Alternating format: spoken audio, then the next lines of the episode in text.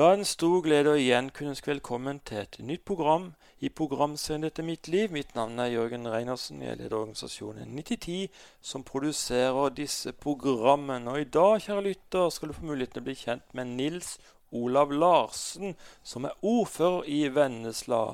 Vi kan vel si det sånn, Nils Olav, at eh, Kristiansand er havnebyen til Vennesla? Det er helt korrekt. Altså, Der er det blitt fløta veldig med tømmer ut. og Hunsfoss-fabrikker med papir og det hele. Så det, at, eh, det er en veldig korrekt uh, antakelse, ja. Mm. Vi må starte helt fra begynnelsen av ditt liv. Du vokste opp ikke så veldig mange steinkast her fra Herredshuset i Vennesla. Det er helt korrekt. Jeg vokste opp på en plass som heter Lindekleiv, litt sør for idrettsplassen. Det er ei lita bygd. Og det har vært en veldig god plass å vokse opp. Veldig mye familie rundt. Er egentlig bare to familier i, uh, i den bygda, og hovedsakelig. Det er flere nå, da, men, uh, men uh, i den tida jeg vokste opp, så, så, var det to familier. Og det var veldig lett å vokse opp der som gutt. Jeg hadde bestemor rundt meg, onkel og tante. Mange som passa på meg. Og i den tida var det jo ikke, det var jo ikke Eh, telefon. Så det at uh, når vi skulle inn til middag, når vi skulle liksom, mamma skulle høre på hvor vi var henne, så var det bare å ta opp vinduet og gave over hele Lindekleiv. Og så måtte en svare. Og så måtte en komme hjem til middag eller et eller annet sånt. Så det at uh, telefon var det ikke behov for. Vi var i nærheten. Mm. Du var eldst av fire gutter i familien? Det var jeg. Først ute. Og uh, da har jeg vel, ifølge min mor, så har jeg nok hatt den strengeste oppdragelsen, da. Mm. Ja, så ble det jo lettere etter hvert da, når det at, uh, hun så det at uh, det gikk an å oppdra noen gutter òg. Så uh, vi er fire gutter med ti års mellomrom fra den minste til den eldste. Mm. lyktes du på skolen? Ja, lykkes og lykkes. Jeg, jeg hadde en god skolegang. Jeg hadde ei frøken, frøken Skeie. Og i den tida så var det helt naturlig å begynne morgenen med, med en morgenbønn eh, og en sang. Og så avslutta vi dagen med velsignelsen. Så jeg tror det at fra første til sjette klasse så, så, tror jeg alle de, som, alle de 24 elevene eh, de hadde et eh, forhold til Jesus. De hadde et forhold til Gud. Og det var en selvfølge at han var der. Det var ingen som stilte spørsmål med det. Det var en naturlig årsak. Så jeg må, jeg må jo si det at Aslaug Skeie var et, et, et levende vitnesbyrd på, på, at det der fantes noe mer mellom himmel og jord enn det vi kan se med det blotte øyet. Mm. Du likte å drive med sport? Ja, begynte veldig tidlig. Jeg begynte i seksårsalderen med vindbjart. Og det var jo fantastisk tid der vi fikk lov til å øh, spille sammen lagidrett. Altså det å, å feire ting sammen, det å lykkes med ting. Og òg det å ta nedturene eh, i sammen eh, for å løfte igjen. Men allerede i tiårsalderen så begynte jeg òg med langrenn. Og det var jo individuell idrett. Og det var jo et fantastisk miljø. Altså Det var uh, noen voksenledere der som tok oss med over hele Sørlandet, og vi konkurrerte, og vi var du lærte Fikk veldig sterkt konkurranseinstinkt. Og det var, det var, fantastisk eh, Jeg har hatt en fantastisk oppvekst, det må jeg bare si. Mm. Mm. Jeg var heldig. Jeg var, jeg var nokså stor av vekst, så jeg, jeg slapp, eh, jeg slapp nokså billig unna uh, med slåsskamper og det hele. Selv om det, det hendte nok, det òg, altså. Jeg var en vanlig gutt og jeg likte å slåss for moro, men, men jeg hadde aldri de der skikkelige fightene, og, og, jeg kan ikke huske at vi snakker jo veldig mye om mobbing og det. Jeg kan ikke huske at vi kalte det mobbing, men, eh, men vi, eh, det var nok noen som falt utenfor i den tida òg. Og, og, når ikke du er blant dem, så, så, legger du ikke veldig mye merke til det som ung. Jeg kan tenke tilbake igjen på en del episoder der eh, f.eks. i skoleklassen der vi skulle ha, ha eh, fotballkamp. Og så skulle de to beste da, de skulle jo velge. Og da ble det stående sånn igjen. Og det tenker jeg på som sårt i dag, altså. For det vil si at de, de fikk en, eh, en, dårlig debut, altså. Ja. Mm. Dårlig utgangspunkt. Du nevnte dette med at de beste mor var en kristen, bedende. og eh, Var dine foreldre sjøl eh, aktive kristne, eller? Det var de ikke på den tida. Min far var jo ingen kristen. Min mor hadde nok et, vært sterkt prega av det kristne budskapet.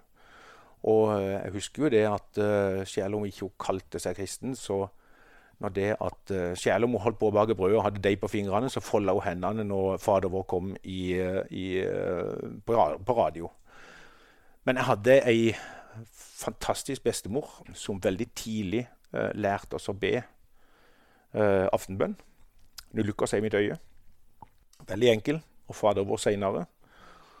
Og det fulgte både min mor og min far opp. Så det at uh, de, de, de oppdra, oppdro oss egentlig i den kristne tru, uh, selv om ikke de var aktive bedehusgjengere sjøl. Bestemor var nok ei som ba for oss hver dag. Likedan tante og onkel. Jeg visste jo, Det var jo mine faddere. Uh, jeg visste at de ba for meg hver dag. Og de hadde med meg kirka. Så jeg husker når jeg var ti år, så fikk jeg et testamente av bestemor. Der hun ønska meg gratulere med dagen, og at dette var et testamente som, som hun håpet jeg ville bruke.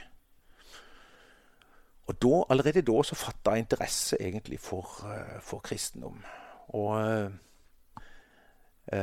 det ble, uh, det ble en, en nysgjerrighet, men òg en, en, selvfølge at dette var sant. Og Jeg husker spesielt når jeg kom i, i 13-årsalderen. Da var jeg rimelig bevisst på hva dette var. Jeg hadde vært på tenngruppa på Måsemoen og på vei hjemover Det var en oktober da, husker jeg. En oktoberkveld, selvfølgelig. Og så kom jeg nesten hjem, og så gikk jeg av sykkelen og så kikka jeg på stjernehimmelen. Og da sa jeg til Gud at uh, Gud Selv om jeg kommer til å si at jeg ikke vil tro på det, så ikke hør på meg, for da bare tuller jeg.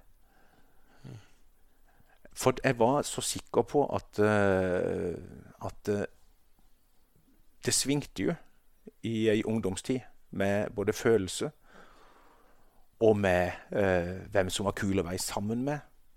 Og det er opplagt at det var én ting jeg var veldig sikker på. Det var det at Jesus, det var det, var det rette.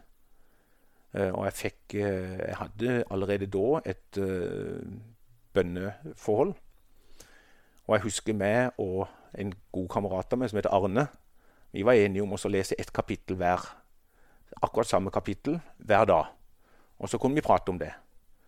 Så det var egentlig en veldig sånn rik tid eh, åndelig òg. Og så følte vi jo selvfølgelig at vi datt, og at vi ikke fikk det til, og at vi måtte hjelpe hverandre og trøste hverandre. Og, og så var det Altså, Guds ord var levende da òg. Vi fikk trøst. Eh, og ordet var levende for oss. Og jeg husker spesielt at jeg kunne lese ett ord så betydde det noe spesielt for meg.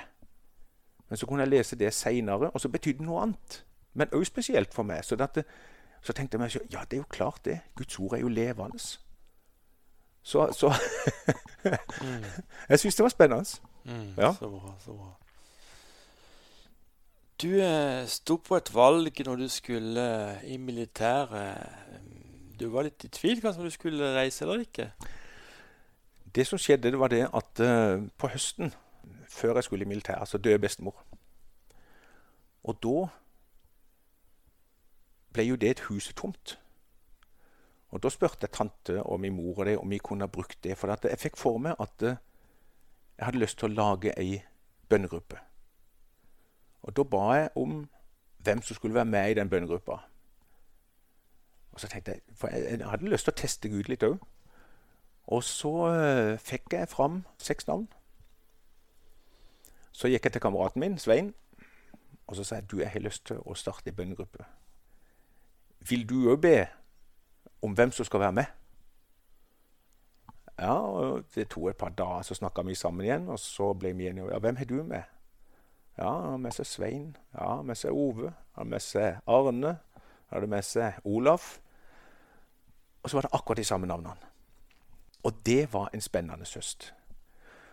Så merka jeg at vennene mine, veldig mange av dem, ble jo eh, militærnektere. De tok jo sosial eller For det at det var veldig kristelig. Og så tenkte jeg nei, hva skjer med de som er militære, og som ikke får påvirkning ifra de kristne? Og da tenkte jeg at nei, det er min oppgave. Så eh, jeg tok egentlig militæret fordi at jeg ønska å Og da hadde jeg jo noen svulstige tanker. Jeg skulle, jeg skulle, jeg skulle frelse hele kompaniet, det skulle være ståhei, det skulle være Ja, altså alle skulle følge dette her, for det var jo sant. Og så ble det ikke akkurat sånn. Men jeg husker første dagen vi kom inn. Det ble seint på kvelden. Og så kom vi inn på rommet. Og, eh, og jeg husker at uh, jeg la Bibelen på, på, senga. Det hadde jeg fått et råd om. Det var veldig lurt, for da fikk du Og så var vi seks stykker på rommet, og de fem andre de var plutselig ateister alle sammen. Oi, oi, oi. oi. Sier du det, ja? Ja, ja men det var spennende. Og det tykte jeg var veldig spennende. For uh, jeg visste Jeg hadde lest meg opp litt på ateisme. Uh, jeg hadde hørt veldig mange tale av Eivind Frøen, som, uh, som, hadde veldig mange gode prekener rundt hvordan påvise Guds eksistens. Ikke bevise, men påvise. Og dagen etterpå så skulle de ut på byen, og, og når, kom, når, de kom hjem, så skulle de diskutere kristendom eller ateisme, eller hva det skulle være. Og da husker jeg hadde, jeg var hjemme og jeg lå på senga. og Det er kanskje en av de få, ting, få gangene jeg følte jeg snakka med Gud. Eh, og var bare helt rolig. Eh, og så visste jeg det at Gud ville gi meg ordene når de kom. Og i løpet av den kvelden så var det seks ateister som ikke var ateister lenger. For de hadde ikke peiling på hva det var. Men neste morgen, når vi hadde oppstilling, så visste 32 i troppen at Larsen, det er en kristen kar. Så det at det var med på å spre budskapet, det var med på å, å, å bekjentgjøre hvem jeg var. Og det er så deilig å kunne stå for noe. Det har jeg sett seinere. Det å kunne stå for noe, det å kunne ha en identitet, det betydde mye for meg. Men når du først er inne på det, så, så kom jeg jo bortimot sommeren og det var ikke én som var frelst. Men jeg husker at vi var, jeg var jo i Garden da, jeg var jo i Oslo, så eh, jeg skulle ha med meg Tråsåsen. Skulle, vi, skulle, vi, skulle, på kino sammen, og Tåsåsen hadde et språk som var mildest talt eh, nokså fremmed i kirkelig sammenheng. Eh, og han eh, banna godt før vi gikk og det, og, men når vi gikk ut av porten, så kom det ikke ett banneord. Og vi var på kino, og vi kom inn i leiren igjen. Og så, idet vi treffer resten, så måtte han banne mye for å liksom Rett og slett Jeg tenkte, jeg har ikke spurt han, jeg spurte han ikke om det, men jeg tenkte sånn så at jeg må Tåsåsen måtte vise at ikke han hadde tatt skade av å være sammen med Larsen. men, men, du fikk så mange gode samtaler, du fikk så mye respekt av det. Og, og det var en, en, nydelig tid åndelig sett. Men jeg hadde som sagt en veldig nedtur på sommeren. Og Da var jeg i ferd med å gi opp. Så jeg måtte søke hjelp. Uh, og da, den sommeren så var jeg på perm hjemme, og Reidulf Stige i Ungdom i oppdrag skulle da ha en møteserie i Vennesla. Og jeg ba om en samtale med han etterpå. Så, jeg, jeg fortalte jeg historien, og så fortalte jeg at jeg hadde forventning om at uh, alle skulle bli frelst. Uh, det var det jeg gikk inn for. Så sier han Vær klar over at i militæret, der alle gutter er Det siste som skjer der, det er at noen vender opp og tar, og tar ansikt. Det var Det kunne jeg ikke forvente. Men, sa han, når de er ferdig med militæret, og de kanskje møter på noen kristne, så vil de tenke på det. Hvem du var som kristen. Og Da fikk jeg et mod igjen på å være et eksempel eh, og til å så. Så det ga meg styrke til å fortsette. Men jeg hadde en tøff Da ble det veldig mye militær, da, men, men, jeg hadde en veldig tøff opplevelse når jeg var ferdig med militær. For da ble det så veldig lett når en kom hjem, der det kristne og det var. Og Da jobba jeg på Hunsfoss øh, den våren. Slutta 4.1. Da fant jeg ut at øh, dette vil jeg ikke mer. Og jeg tok ned øh, Jesusbildet. Jeg tok vekk Bibelen. Og la det i, uh, i, uh, i ei skuff. Og så gikk jeg på jobb. Jeg gikk på skift. Så kom jeg hjem igjen, og så lå det oppe. Bildene på plass, Bibelen på plass. Jeg tenkte nei, tenkte jeg. Og så tok jeg det vekk igjen. Og så gikk jeg på jobb igjen, og så kom jeg hjem. Og så er Bibelen der. og så kommer min mor ned, hun, og, da, og da griner hun. Så sier hun Hva er det du Hva er det du holder på med nå? Nei, så jeg, jeg føler at dette Dette gjør meg ikke noe nå. Men kan du ikke få noe hjelp, sier hun. Kan du ikke, kan du ikke gå noen og snakke med Nei, jeg skal ikke det. Jeg, var, jeg følte liksom at dette var, dette var det rette. Og den dagen så regnet det helt vanvittig. Og jeg trente jo mye, så jeg tok på meg treningstøyet.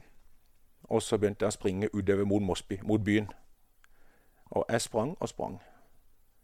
Og var mer og mer sinna og sprang og sprang. Og så gikk det bare opp for meg, Nils Olav. Du kan ikke springe for Jesus. Det går ikke. Så jeg begynte å grine, og jeg, grin, jeg, jeg, jeg tror det var flere tårer enn det var regn på slutten. Men jeg bare fant ut at uh, det gjenger ikke. Jeg hadde faktisk opplevd for mye til at jeg kunne si nei. Og da var jeg, rundt, da var jeg jo 19 år, 19-20 år. Uh, så siden da så, så har jeg vært i tvil, uh, og, men aldri vært der hen at jeg vil gå ifra Jesus. altså.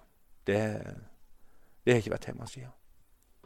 Kjære lytter, du hører på programserien 'Dette er mitt liv'. I dag er jeg hjemme på mitt hjemsted, nemlig Vennesla. Sitter jeg med ordføreren Nils Olav Larsen. Og Nils Olav, før denne musikalske pausen så, så, nevnte du at du var i militæret, og der valgte du å heise flagg og, og, vise hvem du trodde på. Um, når du kom hjem, så var det ei jente du fatta interesse for? Ja, Ingrid hun fatta interesse for allerede som 16-åring. Uh, men hun var så populær. Så det at uh, hun var sammen med mange andre gutter, det, og jeg tenkte det at uh, OK, du kan jo ikke backe ut folk heller, da. Så det at uh, jeg prøvde å vente på tur, og, og, men da tenkte jeg at jeg kan ikke vente lenger nå. Så som 20-åring så, så, klarte jeg ikke å holde meg lenger. Da, da, måtte jeg, da fikk jeg en mulighet til å sjarmere henne, og hun sa ja. Fantastisk. Ja, du må fortelle litt. Dere har jo nå eh, to-tre barn. Vi har fire jenter. Fire jenter, ja. Fire jenter. Ja. Og tre av de har vi lagd sjøl. Uh, eh, og den fjerde uh, fikk vi som en gave uh, når hun var rundt syv. da var det litt sånn i helgene. Og når hun var ni, så, så ble hun værende hos oss. Og det var jeg vet ikke om det er riktig ord å si berigelse, for det var en veldig prøvetid òg, det. For det at det, det, for bondene så kunne det være en inntrenger. Eh, og det var mange sånne eh, Jeg vil ikke kalle det dramatiske situasjoner, men det var situasjoner som, som skulle tilpasses. Hun skulle få sin rett til å være der. Eh, hun skulle passe inn. og det er opplagt når du får et fosterbarn, så merker du med en gang, iallfall vår erfaring, at det ble veldig sånn eh, eh, tilpasset barn i starten. Eh, altså veldig snill og veldig tilpasningsdyktig og det hele. Før det at grensene skulle prøves. Og det var en sterk personlighet. og som krevde veldig mye omsorg, og som krevde at vi ble satt på prøve. Iallfall både meg og Ingrid. Og Ingrid hadde jo den største oppgaven her. da des, desidert. Og, og, Nei, det var en krevende tid, men uh, når vi ser tilbake på det i dag, så ville vi nok ikke ha vært det foruten. Uh, for det var lærerikt. Og, og, det å få uh, et, et, nytt familiemedlem som ikke er ditt kjøtt og blod, det er, det, er, det, er, mange rare tanker da som skal bearbeides. Og du må mentalt forberede deg på, på uventa ting uh, som ikke du er så vant til når det at du har hatt de helt fra barnsben. Altså. Ja, så krevende. Og, men det, det, er ei herlig jente, og jeg kan jo fortelle i dag så, så er hun voksen. Uh, hun, uh, hun har gifta seg med en kjekk mann, og, og de har ei nydelig datter sammen. Så, uh, og så, så har hun gjennom den tida hun har vært, så, så har hun altså Jesus i hjertet. Uh, og jeg tror det har vært med på å hjelpe henne og bære henne gjennom uh, de tingene hun har vært gjennom. Allerede som 20-åring etter, etter, videregående så ble hun ramma av kreft. Uh, og hadde fem tøffe år som kom, hun kom igjennom. så den jenta jeg hatt det tøft opp igjennom. men heldigvis nå så, så ser en glimt av at hun gleder seg over livet. Fantastisk. Du har en lang og innholdsrik yrkeskarriere. Du har bl.a. vært markedssjef og regionsdirektør. Eh, var du en tydelig kristen på jobb? Jeg kan jo begynne med at uh, når jeg både var leder i YT og i, i Multiconsult, så starta jeg jo med å introdusere meg som en kristen. Og det gjør at liksom, du blir plassert Uh, og de vet hvem du er. Og det har jo ført til at uh, jeg har fått veldig mange gode samtaler. For, uh, for igjen, det å kunne stå for noe, det å kunne ha en identitet og assosieres med det å være kristen, det, det er spennende for mange. og jeg møtte jo mange som liksom Ja, jeg har jo min tro. Og jeg husker spesielt i i uh, Jeg har jo vært mye i entreprenørbransjen, så det, det, er jo, det, er jo, tøffe folk, det er tøffe forhold. Uh, og språket er jo ikke akkurat uh, bedehusvennlig. Men det har jeg aldri blitt distrahert av. det har jeg aldri distrahert meg. men jeg husker en tøff i språket og det hele, og liksom Vi hadde Plutselig så får vi noen samtaler. Hvem Gud er, og du merker at liksom ja, men han, eier, han har jo et forhold på et eller annet vis. Og jeg husker han mista faren sin. Og så skriver han eh, 'Pappa er død. Han har reist hjem', skriver han til meg. Han har reist hjem. Hilsen. Og da, da, da Det guddommelige kommer fram i veldig mange situasjoner, og spesielt når en er litt hardt prøva. Uh, og jeg opplevde jo mange ganger at uh, som leder så uh, blir du både sjelesørger, du blir en tilrettelegger, og det er det de kommer til. og vi var sammen om Det var mange tøffe I en yrkeskarriere så er det mange tøffe situasjoner som skal tas. og så merker du da at når det er tøft, så er du òg åpen for den gode samtalen. og det er et privilegium jeg har hatt. Uh, og da visste de at de kunne komme til meg. Uh, og nå er ikke jeg noe sånn, uh, sånn orakel rundt det, altså. Men som medmenneske. Som et helt vanlig medmenneske. og i dette tilfellet leder, da, men, men, da er du medmenneske. Og det å kunne hjelpe hverandre, og det å kunne sette spørsmål med ting. og, og det å da kunne fortelle at ja, tvil, tru Eh, så merker du at trua er der egentlig hos utrolig mange flere enn det som er har i det hele tatt annet. Så trua er blant folket. Fortsatt. Vi må snakke litt med dette. Du er ordfører her i Vennesla. Hva er mest berikende, og hva er mest utfordrende?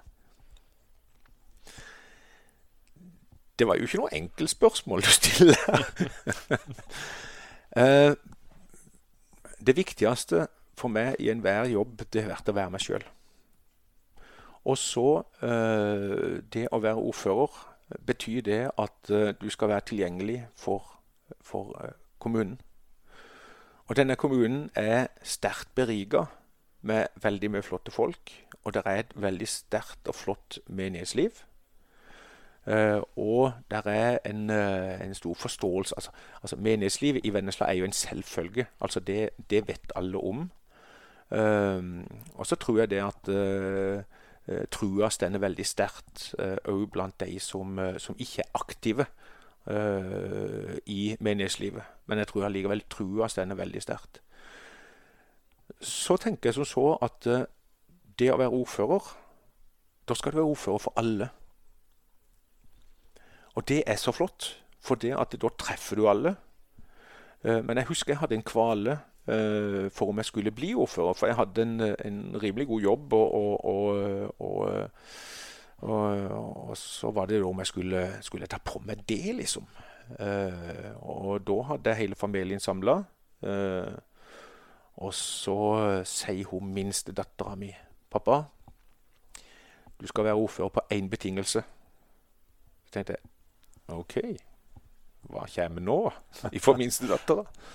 Så sier hun du må aldri lese kommentarer. Mm. Og Det er faktisk alt en av de tingene jeg har tatt med meg. Jeg leser ikke kommentarer. For det betyr at det uansett hvem jeg treffer på gata, så har jeg ingen dårlig referanse. Og Da kan jeg smile til han som er for meg, og jeg kan smile til han som er mot meg. For det at uh, som ordfører så kan du ikke bli likt av alle. Det går ikke an. Men jeg er veldig glad for at jeg kan være ordfører for, uh, i en KrF-kommune. Det er ikke så mange av de igjen. Så det er jeg veldig takknemlig for. Mm. Det gjorde de jo veldig bra til sist valg, da de fikk 26,8% oppslutning. Og på landsbasis lå det vel på rundt fire. Hva er det de gjør som er riktig i Vennesla?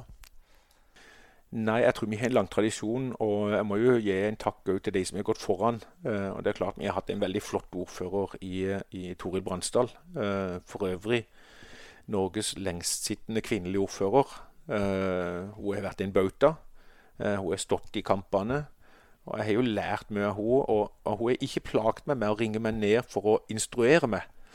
Men hun sier det at Nils Olav, når det er et eller annet som du ønsker å diskutere, så må du gjerne ringe. Så det at, og jeg har ringt til henne, og hun er en veldig god mentor og, og kan mye. Så det jeg vil si at det ligger veldig mye kultur i det. Eh, det ligger veldig mye tradisjoner, og jeg tror KrF har gjort en, eh, en god figur for bygda. Vi er ei bygd i sterk vekst.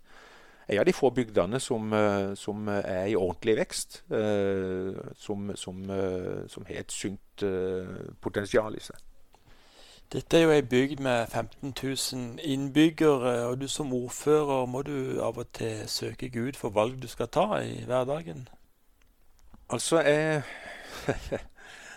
du kommer litt inn på, på klinka, egentlig, for eh, La meg begynne i eh, egentlig tilbake igjen til 90-tallet, der jeg skulle ut på i Ålefjær og tale. Og så var jeg godt forberedt, og så hadde jeg et selvbilde som var rimelig tøft. Altså Jeg var fornøyd med meg sjøl, jeg følte jeg hadde lykkes med mange ting. Og så kommer jeg ut der, og så taler tale. Så følte jeg liksom Ja, det var sånn passelig bra. Men så møter jeg ungdom som er så 100% ærlige. Også i forhold til trua si, i forhold til Altså Så det var jo en av de tingene som jeg kjørte hjem etterpå. Og så tenkte jeg på meg sjøl. Nils Olav, den ærligheten den vil jeg ha. Jeg vil ikke gjøre meg til. Og jeg måtte nesten begynne på nytt. Neste dag så traff jeg en eh, Jeg traff Gudmund Sagen. En kjent Vendøl. Uh, og han var på skøyta, så jeg var jo i Selma Furum den gangen. Og uh, så kom jeg ned til han sa 'Hva er det som er feil med det?' sier han. Nei, jeg, jeg føler meg helt elendig, sier jeg. Og så fikk vi en god prat i sammen. Så sier han til meg at uh, Nils Olav, hver morgen så begynner jeg med å lese. Og så be for det jeg skal møte. Så ber jeg for familien, så ber jeg for de som trenger det. Og så går jeg på jobb. Så får jeg en god dag. Og det begynte jeg med. Og sånn begynner dagen i dag. Så det å ha øh, den bønnestunda om morgenen Det er veldig gjeng. Altså, noen har det jo om kvelden, noen har det om dagen. Øh, men det stender jo at du skal be uavlatelig, så jeg tror vi har noe inni oss som rett og slett uh, ber for oss uansett om vi er klar over det eller ikke. Uh, det tror jeg er et av mysteriene som en en gang skal få greie på. Uh, jeg kan for lite om det, så jeg skal ikke være noe sånn allviter der. Men, men, det gir meg en dimensjon for dagen. Det er en god start på dagen. og av og til så må jeg innrømme det at når jeg sitter der og ber for, for venner og familie, så tenker jeg meg selv, Sola, hva er det du holder på med? Her er du helt alene. Og så legger du ut en historie som Hva er det du holder på med? Og så har andre dager som jeg bare kjenner at uh, Ja, sånn er det. Uh, livet mitt har vært uh, tru. det har vært tvil. Og jeg tror det gjenger hånd i hanske, egentlig. Det å være ærlig mot seg sjøl gjør at du kommer inn noen anfektelse. Uh, heldigvis så har vi venner som vi kan gå til, kanskje en pastor eller et eller annet det skal være, der en kan få lov til å prate ut om det. For jeg tror ikke det er unaturlig å tvile. Jeg tror ikke det er unaturlig å tro heller. Men de dagene som vi møter, er ulike. Og da, da, da må vi være ærlige på det. Det er lov å ha en dårlig dag. Og det er veldig lov å ha en god dag. Du lytter på programsendet Dette er mitt liv. I dag besøker jeg ordføreren eh, i stedet hvor jeg bor, Vennesla. Og Nils Ola, her så har vi jo eh, den største frikirka i Norge. Det er 15 000 innbyggere, og pinsemenigheten er vel nummer tre eller fire. Litt spesielt? Ja, det er vi veldig takknemlige for. Uh, vi er takknemlige for uh, bedehusene òg. Og vi er veldig takknemlige for ei, god og sterk frikirke. Og ikke minst uh, har jo lagd en, en, svær forsamlingslokale som, som, er et samlingssted for Vennesla. Så det at menigheten Det betyr jo at menigheten betyr mye for, for Vendølen. Og, og, veldig mange arrangementer òg. Jeg ser jo vi arrangerer jo julegate hvert år nå. Eh, og da er jo altså eh, den, den kristne videregående skolen på, på Philadelphia veldig delaktig. I tillegg til kulturskole, i tillegg til, til andre menighetsopplegg. Så, så menighetene i Vennesla er jo med på å prege bygda i stor grad.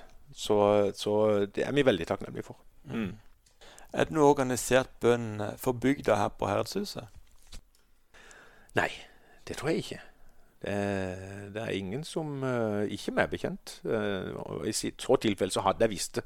Samles dere som er representanter for KrF uh, og har noe bønn, eller? Vi, vi starter alltid våre møter med et ord og bønn. Og så avslutter vi alle sammen med Fader vår. Uh, og det, det, er en, god dimensjon, tykker jeg, på, på det. Så, så, det er jeg veldig takknemlig for. Jeg er veldig glad for at vi har det. Uh, og så uh, så håper jeg det fortsetter. Vi, had, vi var jo det Lyngdal og Vennesla var jo det siste som hadde uh, andakt på, på, på kommunestyremøtene. det er slutt nå, men, men det, had, det, var noen av de siste i landet. Det var veldig naturlig før. Hvorfor ble det slutt? Det vet jeg ikke. Har du en episode i livet du kan nevne hvor du har fått erfare Guds omsorg på en spesiell måte? Jeg tykker jeg har hatt Guds omsorg egentlig hele tida, uh, sånn sett. Og uh, det er jo mange ganger jeg blir forstøkt for at uh, At du blir leder til folk som, uh, som du er bedt for, og som uh, plutselig får du anledning til å få uh, samtale med dem. men jeg er ikke den som har liksom sånn veldig sånn sterk altså jeg, jeg, kan godt ha en god opplevelse med, med bønn, med forbønn, med å bli bedt for. Det er nydelig. og det er et privilegium vi har, og det å få, få dele omsorgen for hverandre. Uh, men jeg er en veldig vanlig kristen. Helt vanlig. Uh, og så har jeg det privilegiet at, at Gud ser ut til meg. Uh, og jeg hadde en flott svigerfar som er død nå. Rudolf. Og, og, han var et bønnemenneske, og han var òg en, en misjonær. Han fikk liksom hele sin pensjonstilværelse var han liksom en, en hyrde som, som, gikk rundt i, i, alle lag og foreninger og, og koste seg. Og, og, han sa det at Husk én ting, Nils Olav. Gud, han er god å komme ut av det med. Hm. Ja. Gud er god å komme ut av det med. Og for det? Jo, for han har jo skapt oss. Han har jo skapt oss i sitt bilde. Og han heier på at vi skal få det til. Uh, og han heier òg når vi er i kamper. Uh, så, så, jeg må si det at bare den tryggheten å vite at liksom Ja, hva hvis alt går galt, da? Ja, hva kan gå galt? Hva er det verste som kan skje? det, det, er ikke så mye sånn, eh, sånn eh, det, det, gir en sånn en trygghet. Eh, så, så jeg, jeg hviler veldig i det. At han er der. Passer på. Og som ungdom så tenkte jeg jo det at når jeg kjørte for fort og kom over 80 km, så forsvant Gud ut av bilen. Det er ikke sånn, altså. Så han er med oss òg når vi går på trynet. Det er helt sikkert. ja. Har du en avsluttende hilsen lytteren? Nei, jeg vil si det at uh, jeg har vært heldig å treffe på Jesus uh, veldig tidlig i livet. Og da er det mange som sier det at uh, og da må du ha gått, gått, gått glipp av mye. Men jeg vil bare si jeg har ikke gått glipp av en ting. For det at eh, det er nemlig sånn at eh, Jesus, eller Paulus, sier det at eh, det er, alt er lov, men det er ikke alt som gagner. Og så finner jeg ut det at nei, det er faktisk talt sånn det er. Og så vet jeg det at når jeg gjenger på trynet og tar feil valg, så kan jeg få noen sår. Men sårene kan gro. Og Gud han hjelper meg til at sårene kan gro, men det gir òg ei erfaring. For det at det, mange ganger når det at du detter, og jeg kaller det mange ganger en snublestein Den snublesteinen kan bli et trappetrinn for å få meg videre opp, for det gir meg en historie, og det gir meg en erfaring som gjør at uh, OK, det var ikke lurt. OK, men så får jeg lov til å begynne på nytt. Og hver morgen og hver dag så får jeg lov til å begynne på nytt. Så uh, jeg vil jo si det at det i og med at vi er på lufta, så vil jeg si det at uh, Gud han er veldig god å komme ut av det med. og han er god å leve sammen med. Og jeg har aldri opplevd i kristen sammenheng å få pekefingre. Men jeg har fått veldig mange gode håndtrykk og lykke til på veien. Og det ønsker jeg for lytterne òg, lykke til på veien. Gud han er god å komme ut av det med, eh, og han er god å leve sammen med. Og så får vi bare én dag unger, og det er denne her vi kan bruke. Mm. Så eh, til lytterne så vil jeg si eh, Gud velsigne dykken. Nils Ola Larsen, hjertelig takk skal du ha for å takke ja til å være gjest i dette programmet. Må Gud rikelig velsigne deg, din familie og ditt virke i årene fremover. Kjære lyttere. Vi håper du har satt pris på dagens program. Vi tror det kan bli mange gode og viktige samtaler etter disse programmene, og tillater oss derfor å oppfordre deg til å invitere noen på en kopp kaffe ved neste anledning. Vi er på denne kanalen på samme tid hver eneste uke.